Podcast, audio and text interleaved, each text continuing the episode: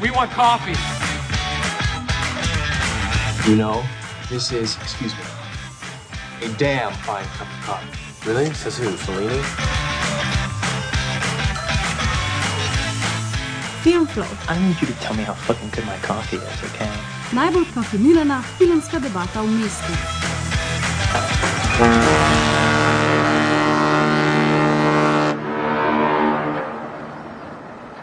Pozdravljene, ljubitelice in ljubitelji vsega filmskega. Leto se počasi bliža koncu. Ko boste poslušali tole epizodo, bo za nami že festival Liv, pred nami pa decembrska animateka in festival gejovskega in lezbičnega filma. To so res praznični časi za vse sinefile. Tudi Ljubljana bo že utripala v ekscesnem številu božično-novoletnih lučk, ki jih obešajo, vsaj tako se zdi, že od avgusta. Seveda račun za elektriko očitno tu nikogar ne skrbi. Podobno kot leta 1912, Najbolj, bravo, bravo, Ana. skrbilo, koliko reševalnih čovnov je na ladji Ja. Sava. Ah, Ki je 10. aprila 1912 zaplula na svoje prvo in hkrati zadnje potovanje. Vsi so bili zazrti v lepšo in boljšo prihodnost, ki jo je na kar najbolj očiten način simboliziral prav Titanik.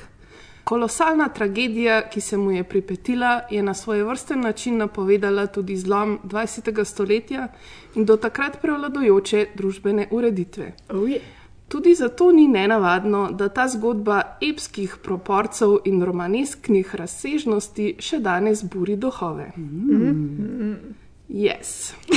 Bravo, amazing. Hudo. En izmed boljših introv, ever, sploh, tako res, wow. Uh, ja, prav ste uganili. Uh, danes se odpravljamo v leto 1997, ko je James Cameron v življenje obudil eno izmed najbolj fascinantnih zgodb sodobne zgodovine - zgodbo o potopu Titanika.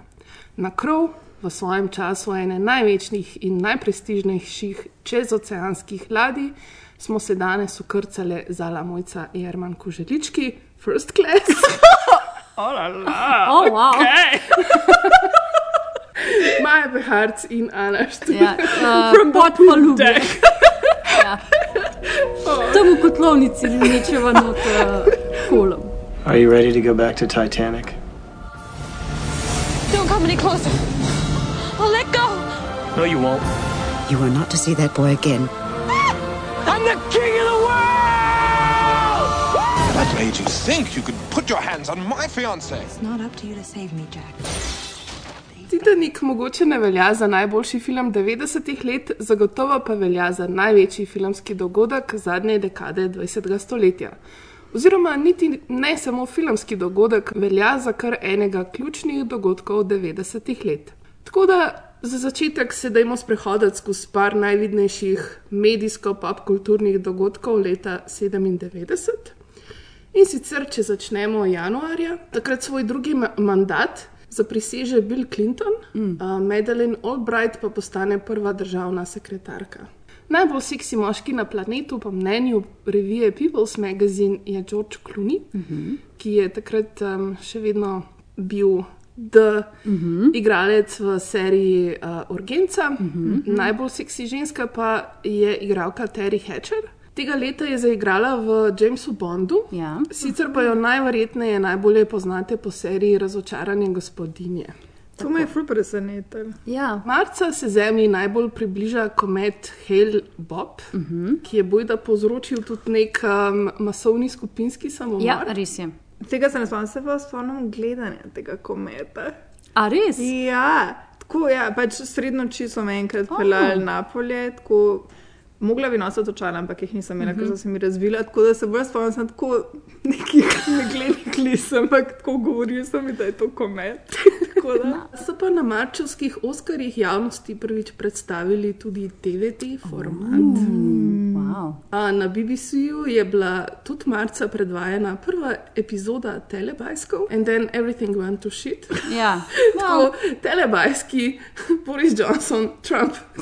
Par let wow. minilo, ampak okay. ja, šur, okay. šur. Ja.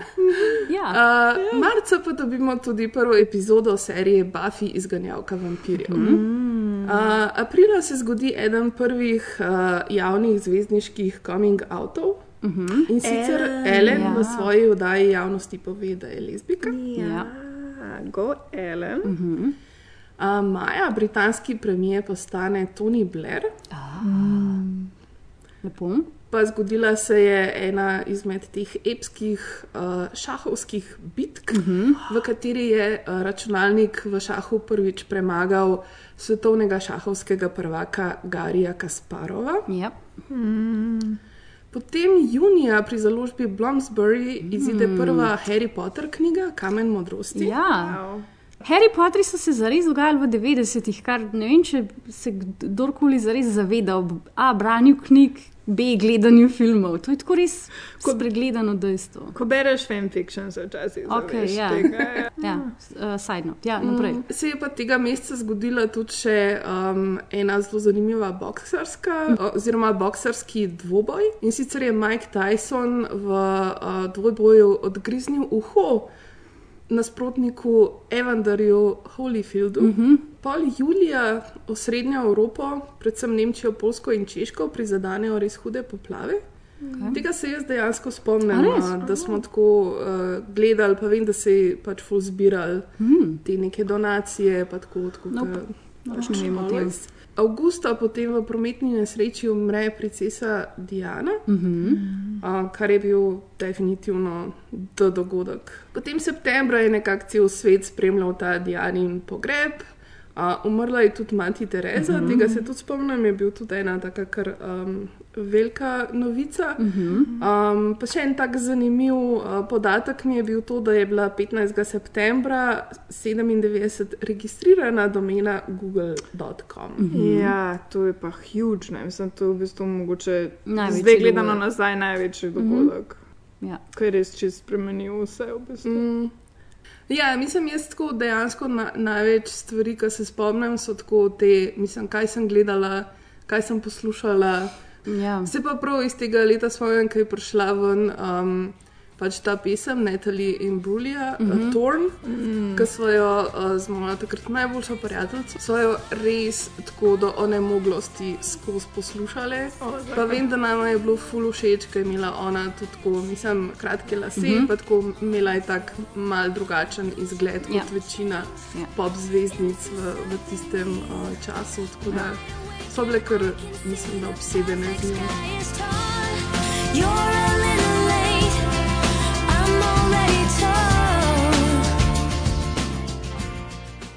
19. decembra 97 pa je na svojo tokrat, spoiler alert, zmagovito pot mm. zaplul Titanic Jamesa Camerona, ki mu danes uh. posvečamo osrednji del naše oddaje. Tak božičen film, torej. Ja, wow. mm. Ja, sicer mislim, da bi mogel priti že ven poleti, ja ampak uh, ker so ga planirali kot ta summer uh -huh. blockbuster, -huh. ampak je zaradi pač seveda svoje megalomanske produkcije vse um, zamujali. zamujalo, tako da so ga pol decembra um, releasali. Uh -huh. Tako da v bistvu smo ga pri nas v resnici pol gledali leta 98. Yeah. Ja. Uh, veš, kaj me zanima? Kdaj ste vidve prvič slišali za zgodbo o Titaniku, če se mogoče spomnite? Až ko so bile včasih une knjige za otroke, tisoč in en, neki, neki, neki, pa največje ladje tega sveta in tako nekaj, mm -hmm. da je bilo to tam noter. In se mi zdi, da sem od tam vedela, zato ker ko je film se pojavil, sem vedela, da je, da je to o ladji, ki jo je potopila ledena gora. No? In to, da je nekako veljala za nepotopljivo, ker je pač nek ta tagline. In to sem vedela o Titaniku. Ja, jaz se spomnim, um, pač, ko sem bila majhna, sem ful rada brala to knjigo Kronika 20. stoletja, mm. dogodki in osebnosti. A tukaj mladinska knjiga izdaja? Meni se zdi, mislim, bila je res ena taka huge, huge, debela knjiga, Aha. s katero sem tako sedela, tako pomnavati po zim pred kaminom mm. in jo listala. Predvsem zaradi tega, ker je imela ful, ful bogato vizualno gradivo tudi in je bilo noter res ful velik, res hudih dokumentarnih fotk mm. iz um, pač zgodovine 20. stoletja. In se ful specifično spomnim, da me je pač ta zgodba o Titaniku že takrat ful fascinirala, um, ko sem pač brala uh, o njej v tej knjigi. Sej danes, če razmišljaš, mislim, zakaj je to tako fascinantna zgodba, vsaj tako, ker jaz razmišljam o tem, ta tragedija tega, ne? da je ja. Bil to nek ta objekt, največji, najbolj. Ja. prestižen, nek tako res ta največji dosežek človeštva do takrat, bi nekako lahko rekel, ki pa je tako res tragično propadel, uh -huh. tako instant. In mogoče tudi da, da na nek način ni bilo treba. Ne? Mislim, Ja. ja. če, če bi malo več tako ene skrbi, pa upoštevali zmernosti. Ta, zmen, tako je, ja, da pač sam objekt je dejansko bil vrhunsko uh -huh. narejen, ampak so pol ratali še malo pred Mhm. Še več, pohlepi. ja. Ja. Mm. Tako da to je ja, nek tak Ja. Babilon. Ja, Ja. Tukaj v bistvu mislim, to sem pa recimo zdaj, ko sem mal brala o tem, uh, so pač neki, neki te fascinantni uh, podatki, ki so nekako bi tako lahko rekel, bili kot neka tako upozorila na ta košen, a ne pred tem, ker recimo. Pač tik preden je Titanik um, izplul, da je bila fu- ful velika rudarska stavka uh -huh. v Angliji, in zaradi tega pač prvič ful veliko ljudi je bilo na stavki, pa ni šlo na potovanje, drugič je pa bilo premalo premoga. Uh -huh. In Titanik zaradi tega pač skoraj ne bi izplul, zaradi tega, ker niso imeli dovolj premoga, da bi pač prišli dejansko čez Atlantik in so potem nekako iz, tako iz povsod um, nabirali ta premog, da bi dejansko lahko izplul, ker je bilo kao ključnega pomena, da ta ladja izpluje, da je to ta, ta Ja. ja. prestiž. Ja. Pol, je bilo, pol se je pa zgodila, še preden so izpluli, um, je bil požar v kotlovnici in bojda nobenemu niso povedali za to. Mm. In ta požar naj bi pač poškodoval ta del ladje, ki se je pol zaletel v goro.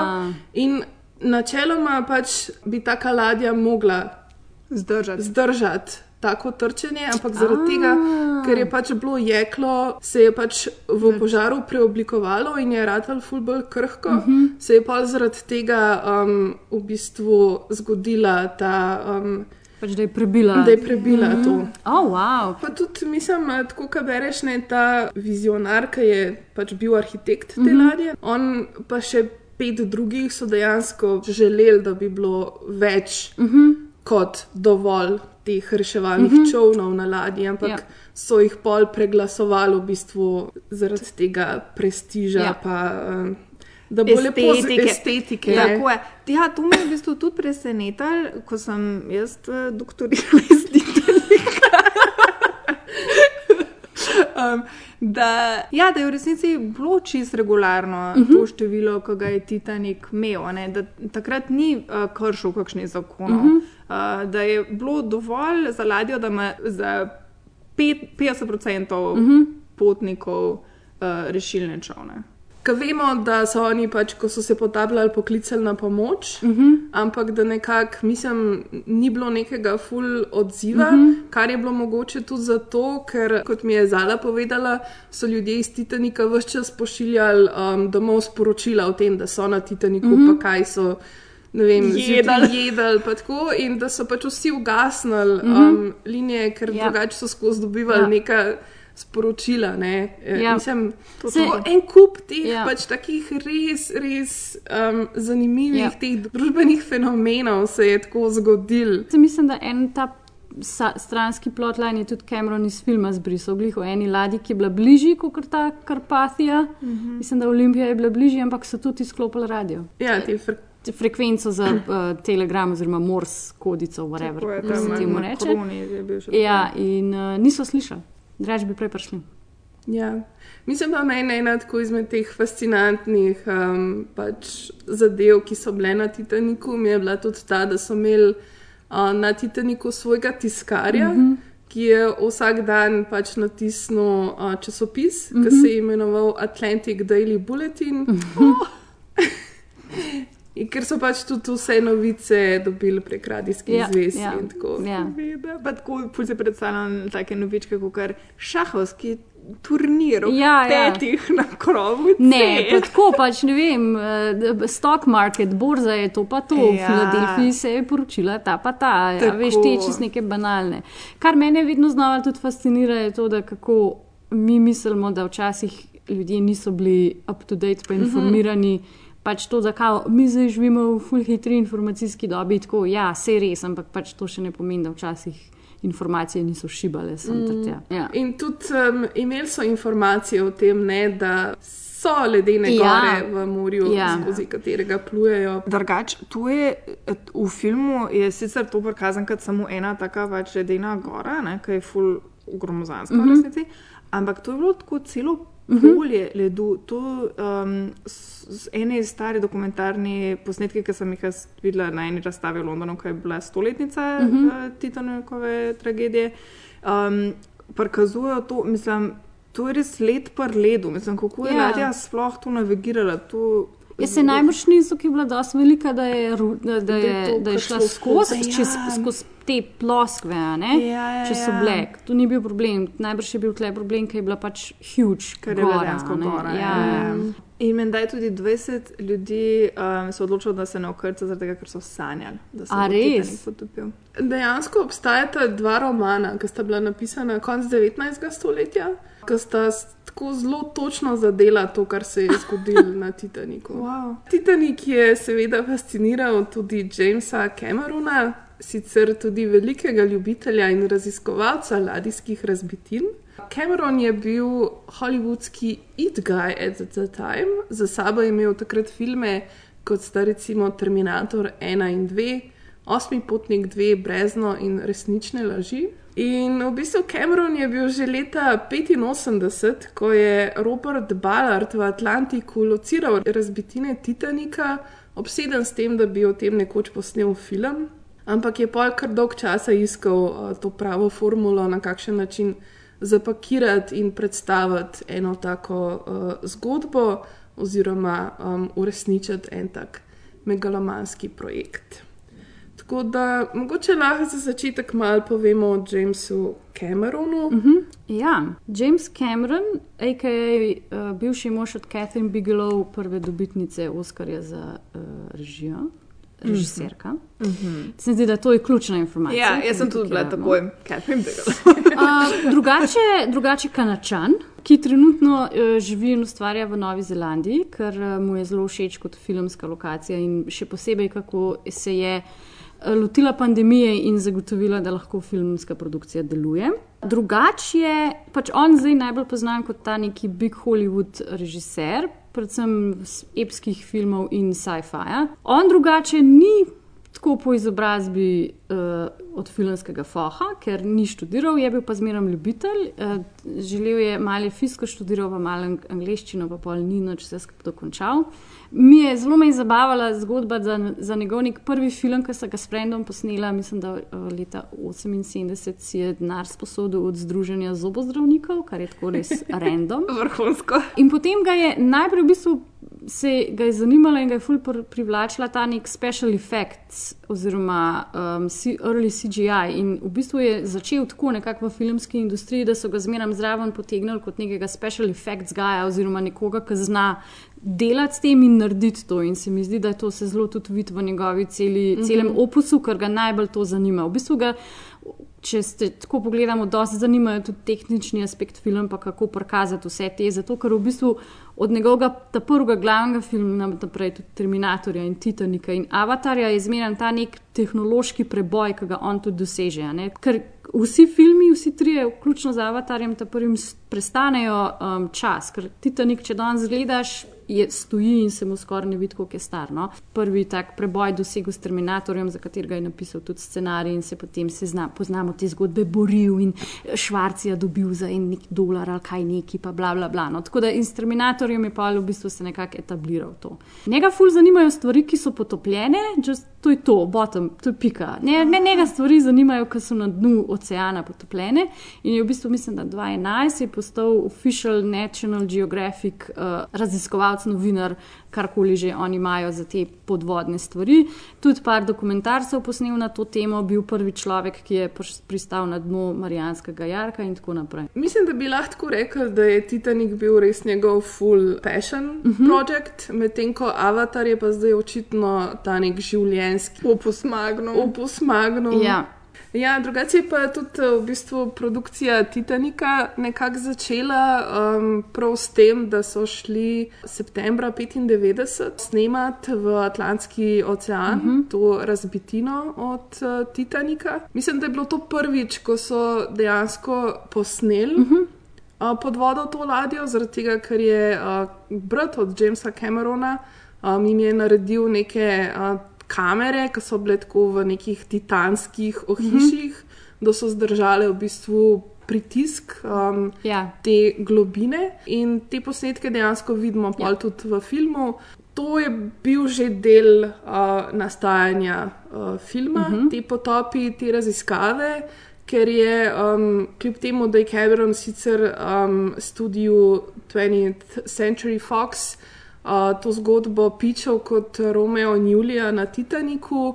In je nekako tudi predstavil, da bi želel uh, ta nek širši mm -hmm. okvir, si je res želel postaviti ljudi na krov te ladje. Da bi ta film bil to doživetje tega, kako so se ljudje dejansko počutili, ko se je ta nesreča zgodila. Mm -hmm. Dejansko njegov cilj je bil ta poklon tem ljudem, ki so utonili na ladji, in zato je tudi v bistvu naredil resen full velik research o potnikih, ki so bili na Titaniku, in dejansko imaš v filmu 150 govorečih delov, v smislu, da 150 ljudi, uh -huh. Ki ima obraz, ime, ki so dejansko bili vzeti iz dejanskih Ja. potnikov Titanika, torej temelijo na resničnih osebah. Tako da pa naredil je poleg te res natančne raziskave o vseh potnikov, tudi neko zelo natančno to časovno linijo, kako je potekalo to potovanje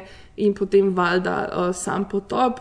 Pač dve te fascinantni informaciji pač znotraj filma sta, da je ta del, ko oni izvejo oziroma opozorijo, da bojo zadel ledeno goro in ko jo dejansko zadanejo, traja identično, kot je Ja. ja. trajalo pač v resničnem ja. času. Pa dejanski potop Ja. ladje je v, filmu reprezentiran v smislu v, v dejanskem Dejanski čas, časovnem ja. ja. uh, obdobju. Pač film se zelo lepo pre, pre, prelom na polovici skoraj Ja. iz filmskega časa v realni, Realni čas. čas. Tako. O, tega pa nisem Za, zato, zato je najbrž, kar se tega tiče, saj zdaj ob drugem gledanju meni bil ma- malo, malo neuravnovešen, ampak v kontekstu tega, kako in kaj Cameron želel povedati, stvari pa popolnoma na mestu. Ja, skratka, mislim, ta njegova vizija je bila res uh, absolutno uh Mhm. -huh. megalomanska in tudi producenti, pa tudi prikazovalci so Camerona hoteli 3 ure prisilit, 14. da skrajša film. Ampak je rekel, da ne, pač, da on ne bo skrajšal tega filma, in je pač na koncu imel prav.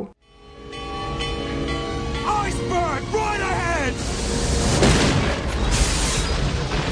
Ko sem prebrala v scenariju, da moram uh, povedati kratek sinopsis filma, sem bila tako, za koga? Everybody knows the story.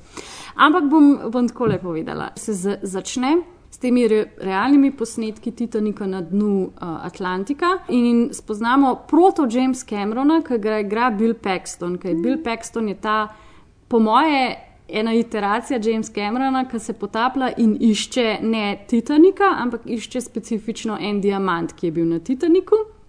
Ja, pa to je igralec, ki smo ga kurcali v prejšnji epizodi Ja. o Twisterju. In ga zdaj tudi lahko kurcamo, ker je na začetku zelo tak antipatičen tip, ker njemu gre sam za to, da pač on najde zdaj ta diamant. Tle, ne? in, prek, in ne najde diamanta, ampak najde um, eno risbo in sicer risbo Rose David Bukater, ki je seveda naša Kate Winslet. In prek te risbe najde dejansko Rose, ki je v filmu stara uh, 101 leto. In ugotovijo, da pač je Rose, las- da je Rose na, sli, na sliki in da pač so najdel ta sef v njeni sobi. In ona jim pove, mogoče najbolj romantično zgodbo vseh časov, kako je spoznala in se zaljubila v Jack Dawsona oziroma Leonarda DiCapria. ter bolj pomembno mogoče, ali tudi ne, odvisno za koga, kako je preživela potop Titanika. In mislim, da kaj več ni treba povezati, razen drugega, da spoiler alert, ne, Titanik potone, pa Jack umre, a ne, čeprav vsi vemo, da je bilo na vratih dovolj prostora. Rose, you fucking idiot! Justice for Jack. Uh, in in uh, ta diamant, the heart of the ocean, se vrne tja, kamor pač spada, na dno oceana. Kakšen je bil ta ponovni ogled filma? Mi smo bili takrat stare 12, 11, tam nekje, ne? in valjda, da je bil takrat. To je ciljna publika. za Ja, Titanic. itak. In najbolj, itak je bil najbolj takrat pač ta ljubezenska zgodba med Leonardom DiCaprio in Kate Winslet. In to je po mojem tisto, kar sem jaz najbolj gledala. No? Pa pač kako je bilo to nefer, da on umre in da je ona nes- nesrečna in tako naprej. Kar je pa v bistvu mene zdaj presenetilo, ko sem zdaj gledala film za, za mogoče distanco, je koliko v bistvu nekega socialnega komentarja je noter v filmu. In je v bistvu, moraš biti že izkušena filmska gledalka, da, da vidiš. Ker ti v bistvu zelo skozi nek tak filmski jezik tudi pokaže, kako ne vem, natovarjajo avtomobile, pa kako grejo une third class passengerje pogledajo za, za uši. Ka, a veš, kaj to, kar ti gledaš kot mlad, ne dojameš tega. Ne? Mogoče bolj na koncu, ko rata eksplicitno, ko jih not zaklenejo v podpalubje, pa to ja, ampak v bistvu ti film že gradi cel čas. a ne. In je v bistvu res ta ja, romantična zgodba, pa una uh, Draw me like one of your French girls, to je vse lepo in prav, ampak v bistvu je to kar ena taka m, ja, poklon žrtvam in v bistvu da močna obsodba tega nekega razuzdanega kapitalizma. No. Ta Celine Dion, pa ta skor tega filma je najslabša stvar tega filma. Prav tako ne sede. Vse ostalo je v bistvu super. Ja, ja, jaz sem v bistvu kar fanica celega tega filma. Ja. In se ful strinjam glede te Celine Dion, pa sem drugače od njene muske fanica. Mm. Tako, bolj sicer mogoče francoske. Mm. Ampak ja, ta My Heart Will Go On pa res tako razlajna in, in tako Ful. majkar dozame neke te magije, ki drugače. Ja, ki že obstaja lepo sama po sebi. Ja. ujame, ja. Kao da je Cameron hotel imeti Enjo, ampak Enjo ni hotela. Ja, jaz sem drugače prvič film gledala uh, z najboljšo prijateljico uh, šele tako ene tri ali štiri leta kasneje, ker mm -hmm. me niso vzdeli, valjda je gledati ga v kino. In smo ga gledali po kosih, ker je bil tako dolg, tako da Wow. smo imeli tako bolj omejen pač čas, tako cel projekt smo imeli iz tega. In ja, me je čist očaral v bistvu. Um, pa sem ga za točno stoletnico gledala na 3D Oh, wow. uh, verziji, ki so ga imeli v Londonu takrat.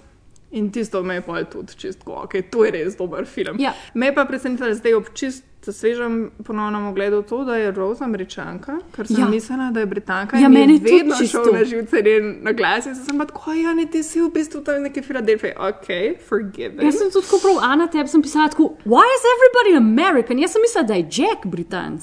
Jaz sem bila čisto, a veš, zato, ker v moji glavi itak Titanic je štartal v pač, Southamptonu, this is Ja. England, every, every British person gre tja. V bistvu se Jack vrača nazaj ja. domov. Ja, in tudi Rose. In tudi vrača. Rose v bistvu, ja. Ja, mogoče je tudi to še en layer tega komentarja kapitalizma, ne? mogoče na Ja. nek način znotraj Ja. filma, pa hkrati mogoče tudi zato, da je film bolj appealing za ameriško Mm, ja. um, gledalstvo. I don't know. Ampak jaz mislim, da je čisto uh, realno, bilo, Ja, ja, ja, pač bilo veliko. procentualno gledano je bilo največ ameriškega tega prvega razreda. Ja, itak. Ja. Jaz se spomnim, pač, mislim, da sem ta film dvakrat sem ga šla gledati, O, ja, kino, tudi, takrat, ja. ko je bil zunaj, ampak mene pa recimo, mislim, že takrat ta ljubezenska zgodba ni tako pač impresionirala kot res ta scale tega filma. Pač to, kako nam on predstavlja to ladjo, da nas popelje v bistvu skozi vse.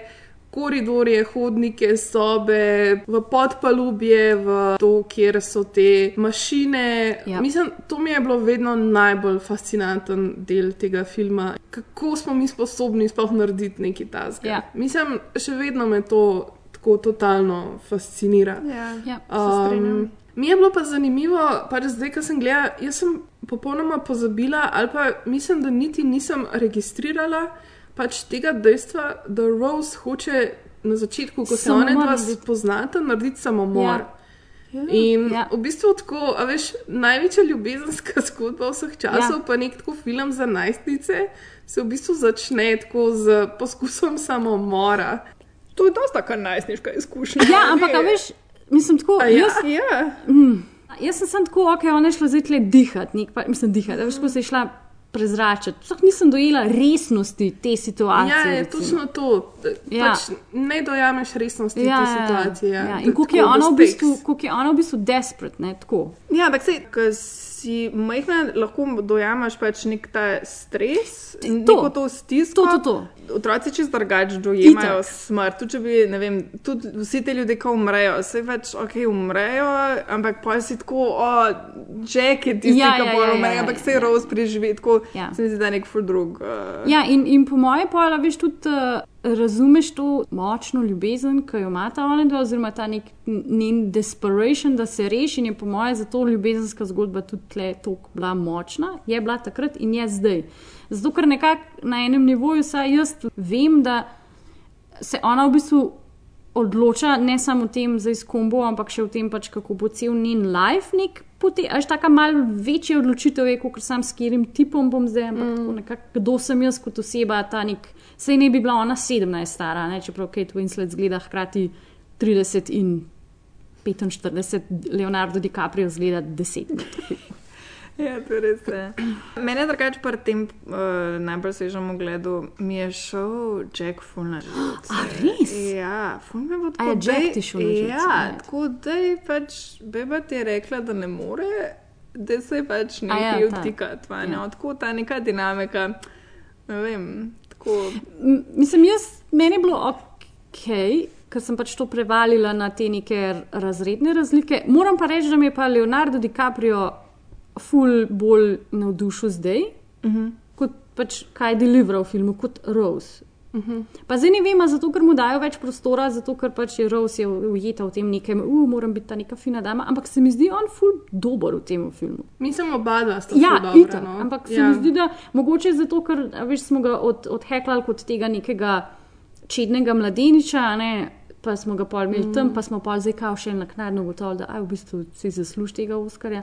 Tako me me je presenetilo, no, da Ja, je mislim- bil, mi je bil upazno, mi je bil dober. No, tako, Ja, čeprav pač. jaz mislim, da je to tudi malo prihaja iz tega, kako je njegov lik zgrajen. a ne. Ker Itak, recimo, ja. če, če gledaš, on prenese dejansko življenje v vsako Ja. sceno, ne? ker je ta. v Ta bistvu se- iskrica. Ja, se je zato, ker je mal te narative, ne vedno more priti nekdo iz pač delavskega ja. razreda, da mal poživi to stiv.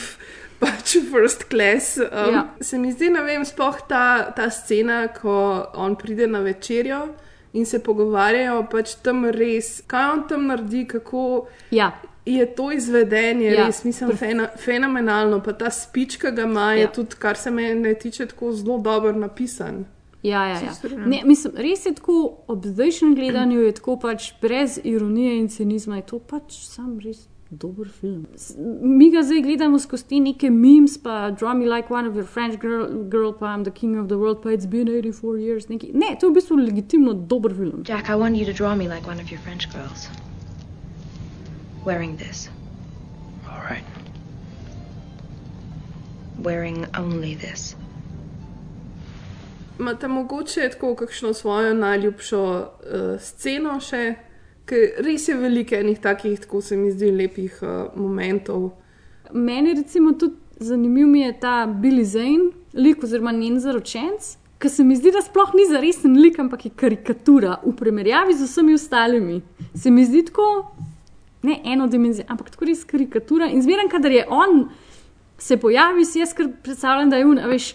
Kartun vilen, Ja, ki ima tak monokl, pa un twirly mustache, ker sploh ga ne morem resno imati. No. Ja, pa meni je bil zdaj tako super queer coded. Tako Yes! pač nek tak Prv pa, ja, na polno, res tako iz nekega tazga Disneyjega muzikla iz 50-ih, tako pač je nek vilen, ki je totalno gej. ja. In zdaj on sploh, tako kva on bo s to roz, mislim, ne, Ja. ne gre reči svojim butlerjem, ker sem to očitno čist vredno. ja, right? Ja, na polno, na polno. Ful, ful. In je bilo to, malo mi izgubi v drugi polovici, no? tega čist filmskega, nekako mm. upočasni tempo. Mm. Ampak Ja, pa je tudi pol tako. Maga hoče na silo v bistvu upliftati z nekimi temi res glupimi hollywoodskimi prijemi, ali ne vem to, kar se. Boj s pištolo. Ja, tisti, ki se pač streljajo, je res tako, a res, mislim tako, fucking tako pač. Potapljate se, tako vsi boste itak umrli, a se lahko zdaj še streljate. Pa to, ki ga gre ona s to sekiro rešiti, Ja, je res tako. a lahko, razpotegnjen je, prosim, lahko bi bil malo bolj ke- ja. tam, ki so zaklenjeni, pa pol pade v ključ v vodo, pa ne najdete unga ključa, pa si tako dober. No, We mislim, it, ja. ja, ja, ja. Pač to je res ful, ful nepotrebno. Je pa mene ful presenetil um, v bistvu ta scena, ko on njo riše, uh Mhm. -huh. ki sta v sobi, ki je res ful, pač kljub temu, da gre za tako ta najbolj specifičen moški pogled. Je ful dobro zrežirana. Ko, mislim, nikoli ne dobimo res tega naslajanja nad njenim uh, telesom. Ja. Dejansko je pač kamera res skozi fokusirana ali na njegov obraz, na to, kako on riše, ali pa na njen obraz. Ja. Dajte si pač, prosim, to pogledati, pa pač se naučite, kaj, kako se režira To je zato, ker je bil takrat z Lindo Hamilton poročen, pa je ga izjih rekel, I will fuck you up if you fuck this up. Te bom... Ne, se ne. Pač, ja, se je dobro posnet, ja. okusno je posnet. Ja. Ja, se, st- se strinjam. Ne, rečem, da več ne morem reči, da rekla, ta scena je pa najljubša iz tega filma. Ne vem, ful je enih takih par momentov, ampak tako noč zdaj. Meni je verjetno, mislim, tako greš ta um, plesati v ta mm. tretji razred. A veš, že mene tle spet muska motila. A meni je pa tukaj muska huda. Ja, meni, meni so po moje cela ta zgodba v bistvu tega Tomasa Andrewsa, tega arhitekta. Mm -hmm. To je meni tako, jaz bi sam njega v bistvu gledala, če sme tako Jack Rose, whatever. Tako ne sem, da mi tega tragičnega modela, ja. ki je naredil to ladjo. In zdaj pač se mu bo potopila in ne more nič narediti. In ta model ga tako dobro odigra. V bistvu, ja, mislim, da mi je tako laž vseh teh um, mini upogledov v Ja. yep. dejansko življenje, tako tega Guggenheima, ki se pač we go down like gentlemen v svojem fraku, mm. tega, kako Andrews tam gleda uro. To mislim, da mi je Ja. najboljše. Mm.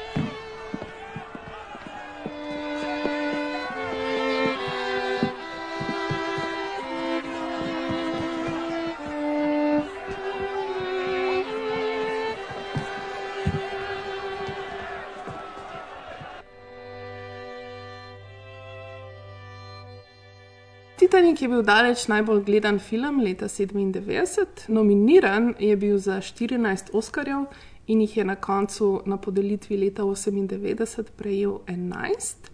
A, Na drugem mestu je bilo Spielbergovo nadaljevanje Jurskega parka, Izgubljeni Mm. svet, na tretjem mestu pa možje v črnem. Absolutno. Here come Ja.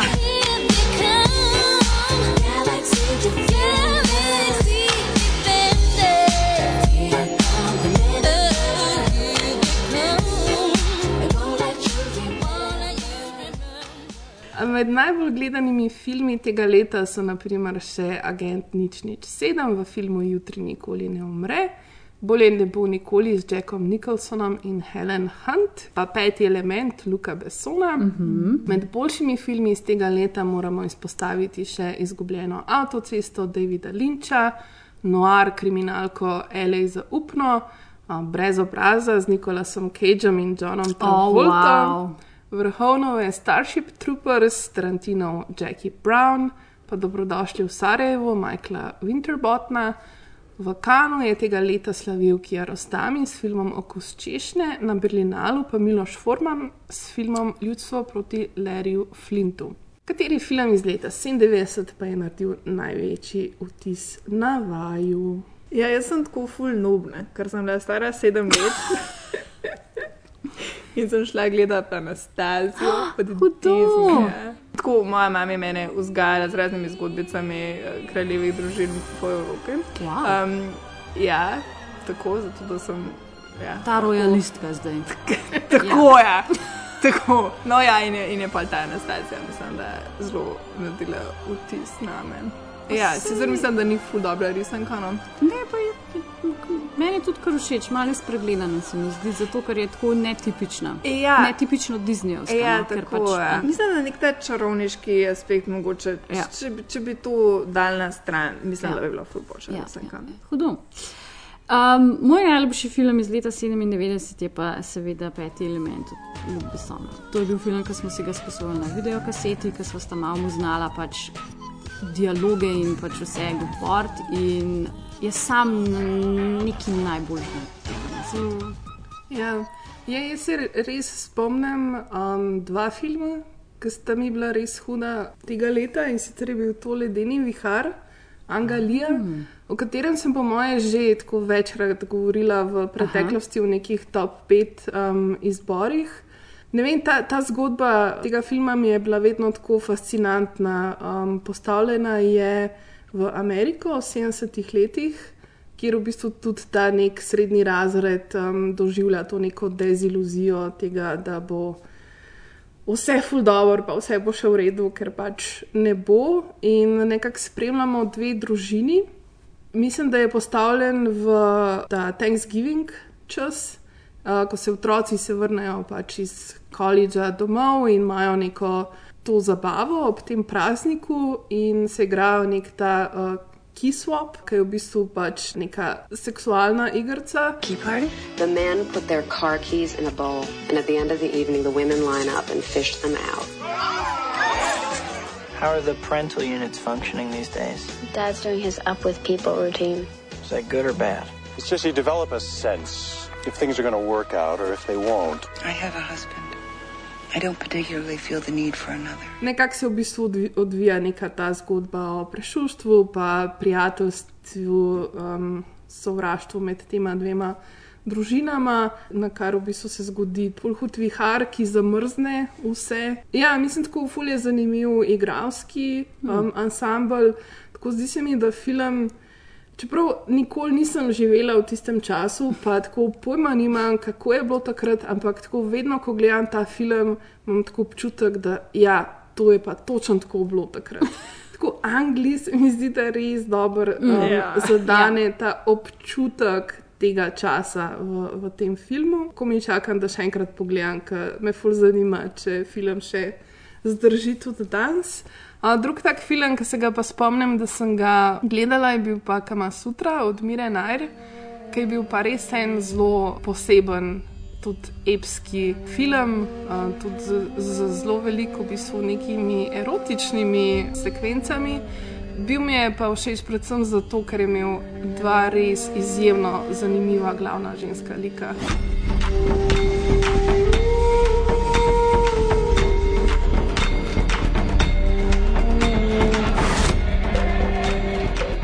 Ljubitelji in ljubitelice vsega filmskega, poslušali ste že 126. epizodo podcasta Film Flow. Hvala za Mojca, eh, da si gostovala v tokratni epizodi. Tudi 126. epizodo smo posneli v kinoteki, tako da hvala kinoteka. Film Flow lahko, kot veste, spremljate na internetih, eh, na mreži Apparatus živimo, zdaj smo se spet predstavili iz neaktivnih podcastov v aktivne podcaste. Hvala, Anže. Če imate ape za podcaste, se lahko kjerkoli naročite na naš podcast, prosim, naredite to. In tudi na socialnih internetih nas lahko spremljate na Facebooku kot Filmflow, na Twitterju kot Filmflow TM in na Instagramu Filmflow podcast. Mogoče velja omeniti, da medve za nas zelo radodarni pa objavljava uh, embarrassing photos od Naja, uh, ko smo bile mlade. Tako da, če hočete videti, kako sta izgledale Ana pa Maja po 11-12, pojte na um, naše socialne omrežja pogledat. Um, A sva si še podobne ali ne več? Ja, mojca Pagon je rekla, da je to njen najljubši del A letos. res? Tako da, ful, hvala, ker nas še naprej poslušate. Um, ja, in naslednjič uh, v našem časovnem stroju um, gremo v žametne noči, ker ne morem verjeti, da je to prevod tega filma, ker bomo gledali Velvet Goldmine, žametne noči. Uh, film o eri Glem Roka, ki ga je leta 1998 naredil Todd Haynes. Tako da, um, hvala lepa, do takrat, ko bomo v žametnih nočeh, pa tako kot pravi Jack, make each day count. Oh, adijo! Adijo!